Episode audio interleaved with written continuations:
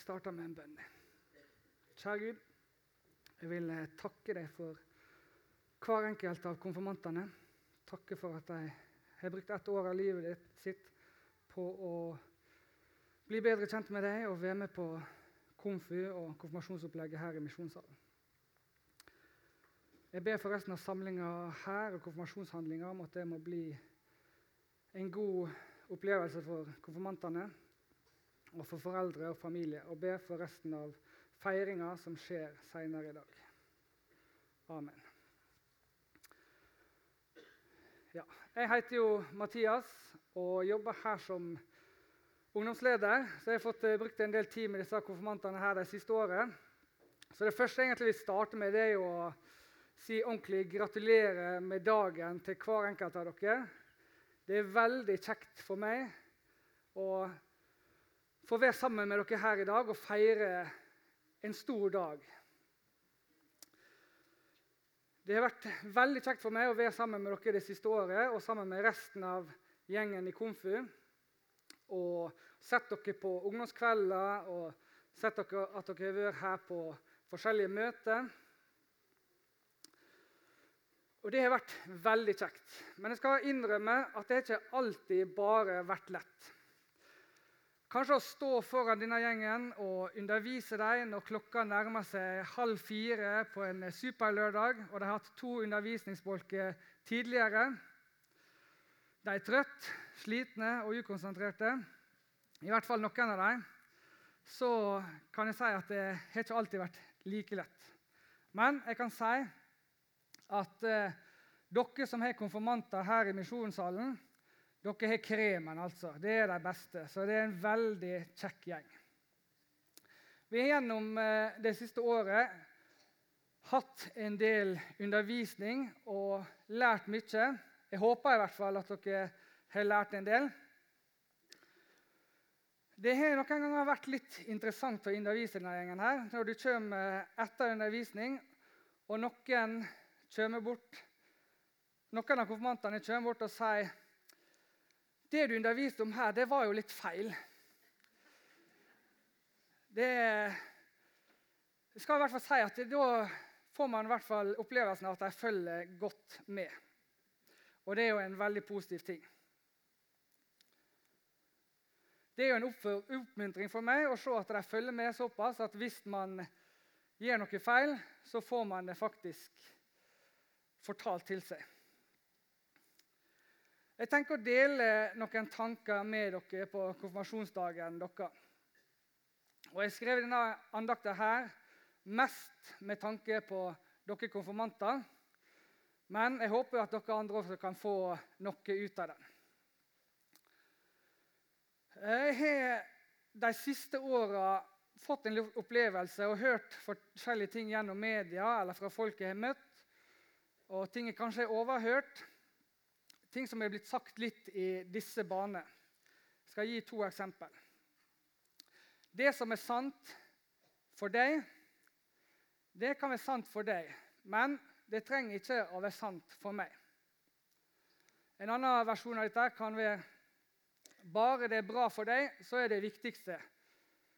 Og Da er tanken kanskje at selv om det er sant eller ikke, så, så lenge det er bra for deg, så er det det viktigste.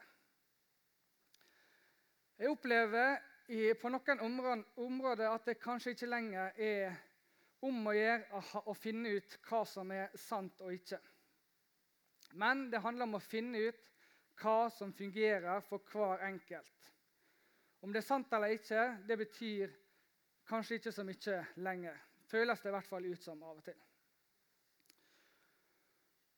Da kan man fort tenke at en dag så er det noe som er sant, og en annen dag så er det noe helt annet som er sant. Det kan f.eks. ikke være mulig at hvis jeg tar opp tre personer her Den ene er kristen, den andre er buddhist, og den siste er ateist. Så kan ikke de stå her oppe og si til hverandre at eh, det du tror på, det er sant. Og det jeg tror på, det er sant. Bare det føles sånn for meg. Det er ikke sånn sannheten fungerer. Hvis jeg forteller dere at eh, Manchester United vant Premier League i år, så er det nok ganske mange som eh, vet at det ikke stemmer. Selv om jeg kanskje skulle ønske at det var sant. Det er jo fortsatt en sannhet der ute. Og den forteller at Manchester United dessverre var et godt stykke bak de som vant, uten at vi trenger å gå så veldig mye mer inn på det. Men det er noen ting som kan være sant for noen, men ikke for noen andre. Det er ting som at jeg f.eks. kan si at kona mi det er verdens beste kone. Eller at Oliver, gutten min, det er verdens beste sønn. Denne påstanden her kan man regne for sannhet for meg, for det er noe som gjelder meg. For meg så er de verdens beste. Men hvis jeg spør noen av dere her i salen, så vil nok dere ha noen helt andre svar enn hva jeg vil svare. Hadde man hatt en kåring på dette, her, så er ikke det sikkert altså Hvis man hadde hatt en kåring eller skulle finne ut av hvem som var verdens beste kone eller barn, så er ikke det sikkert at min kone eller mitt barn nødvendigvis hadde nådd toppen. Men for meg vil de fortsatt være det. Det ville ikke ha sagt, gjort noe med min tanke om min kone og min sønn, eller deres sine kone eller barn, eller fedre eller mødre. Med andre ord ting som hvem som vant Premier League i år, eller f.eks. hvem som er statsminister i Norge, og mange andre spørsmål, det er ikke det mulig at to personer med ulike svar, og at begge snakker sant. En av dem må ha feil, kanskje begge to hvis de ikke følger så veldig godt med. Sånn er det bare. Det fins en sannhet. Jeg skal eh, trekke fram en situasjon som skjedde i et program som heter Lindmo for noen år siden. Der var det en gjest som heter Einar Tørnquist, som hadde en samtale med programlederen Anne Lindboe. I denne samtalen så sier Einar Tørnquist plutselig, eller i løpet av samtalen Det er så mye der ute som man kan tro på, at man ikke finner en felles sannhet. Så svarer Anne Lindmo. Men det er jo litt nydelig, da når folk sier 'ja, men det er min sannhet'. Einar er ganske brå og svarer ganske klart. Nei, det er ikke nydelig. Det er å forvrenge språket. Det du sier, er at det er min lille ønskedrøm.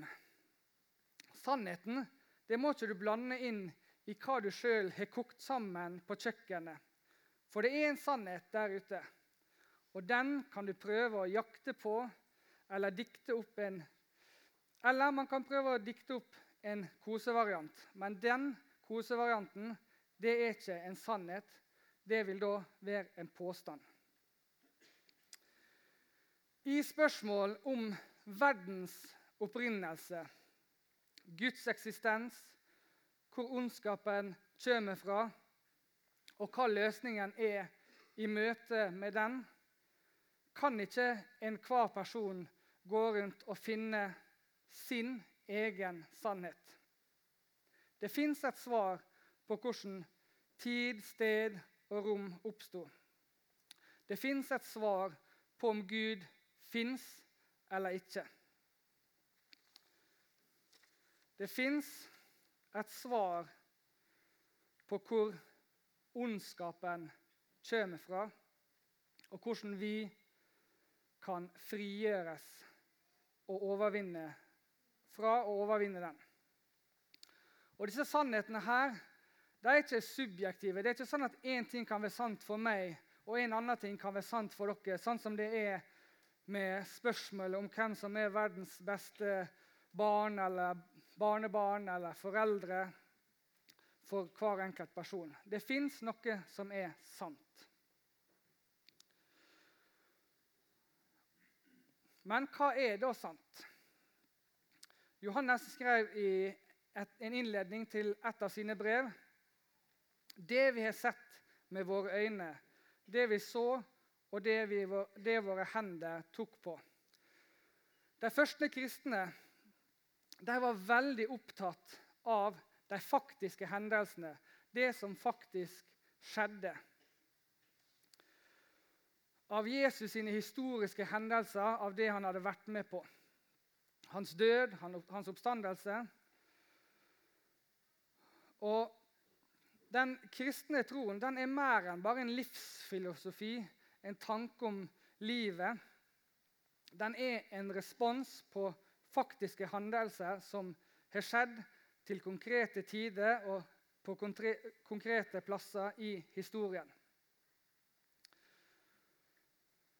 Derfor kan man tenke at kristendommen har Noen tenker kanskje at eh, religion og vitenskap er noe som ikke hører sammen. Men kristendommens naturlige relasjon til vitenskapen er at man kan anerkjenne arbeidet med å finne sannheten i tilværelsen, for det fins en sannhet der ute. Jeg personlig, som kristen, er overbevist om at Bibelen og fortellinga om Gud som skapte jorda, om Jesus som døde på korset for våre synder, er sann. Og det håper jeg at dere konfirmanter også tenker. Det kan noen ganger være vanskelig å tro på og til og med mye av det som står i Bibelen, kan man av og til tenke Kan dette her virkelig ha skjedd? At Jesus sto opp igjen fra de døde, at han gikk på vannet, at han helbreda syke, at Gud faktisk skapte hele jorda og universet. Og mye mer som vi leser i Bibelen, kan man gjerne tenke Kan dette her virkelig ha skjedd? Jeg tror at det er sant. At det er sannheten. At det er den sannheten som kanskje mange leter etter, som Einar Tørnquist snakker om, at vi skal jage etter. At uh, vi må finne den sannheten fordi det er viktig, og ikke bare basere livet sitt på noe som kan skifte fra en dag til en annen. Jeg skal eh, lese en liten bibelfortelling som kanskje mange eller de fleste har hørt før. Det er en ganske kjent en. Og det handler om huset bygd på fjell. Det står i Matteusevangeliet, og jeg leser Hver den som hører disse mine ord og gjør det de sier, ligner en klok mann som bygde huset sitt på fjell. Regnet styrta, elvene flomma, og vinden blåste og slo mot huset. Men det falt ikke, for det var bygd på fjell. Og hver den som hører disse mine ord, og ikke gjør det de sier, ligner en uforstandig mann som bygde huset sitt på sand. Regnet styrtet, og vind, og elvene flommet, og vinden blåste og slo mot huset. Da falt det, og fallet var stort. Da Jesus fullførte denne samtalen, var folket slått av undring over hans lære, for han lærte dem med myndighet og ikke som deres skriftlærde. Her ser vi en fortelling som kanskje de aller fleste har hørt. Jesus forteller om hvor viktig det er å bygge huset sitt på stødig grunn. På fjell og ikke på sand. Han snakker her om at de som hører på det han sier, og gjør det, har en stødig grunn å stå på. Jeg tror at dette her er et bilde på livene våre. På hvordan vi kan kjenne Bibelens budskap om at vi er skapt av Gud. Vi er elska av Han. Vi er frelst fra synden ved at Jesus døde for oss. At vår identitet ligger i Han er en solid grunn å bygge livene våre på. Hvis vi skal bygge livene våre på såkalte sannheter som skifter fra dag til dag, eller som endrer seg når vi våkner en dag og føler at noe helt annet er sant enn det man tenkte dagen før, så tror jeg ikke at man lenger har en fast holdepunkt og en solid grunnmur for livet vårt. Og det er lett at man kan falle til grunne, og fallet kan bli stort, som det sto i fortellinga. Jeg tror at Bibelen forteller sannheten. Kanskje er det noen her i dag som tenker noe helt annet. Kanskje er det noen her i dag som er usikre på hva de tror på. Da vil jeg bare si som Einar Tørnquist For det er en sannhet der ute, og den kan du prøve å jakte på. Jeg tror som sagt at det er budskapet som Bibelen forteller. Jeg håper og ønsker at dere konfirmanter tenker det samme. Jeg håper at dere kan ta med dere den solide grunnmuren videre i livene deres. Så når dere har vanskelige dager, så kan dere vite at Gud elsker dere, at Han har skapt dere, at dere er verdifulle. Jeg ønsker dere en fantastisk dag videre. Og jeg vil takke dere for et fantastisk flott konfirmasjonsår som jeg har fått hatt med dere. Jeg vil at dere skal ta med dere Jesus videre i livet av dere. Ha han som hjørnestein, som den solide grunnmuren som dere har i livet, sånn at dere har en trygghet som er fast. Gratulerer med dagen, kjære konfirmanter.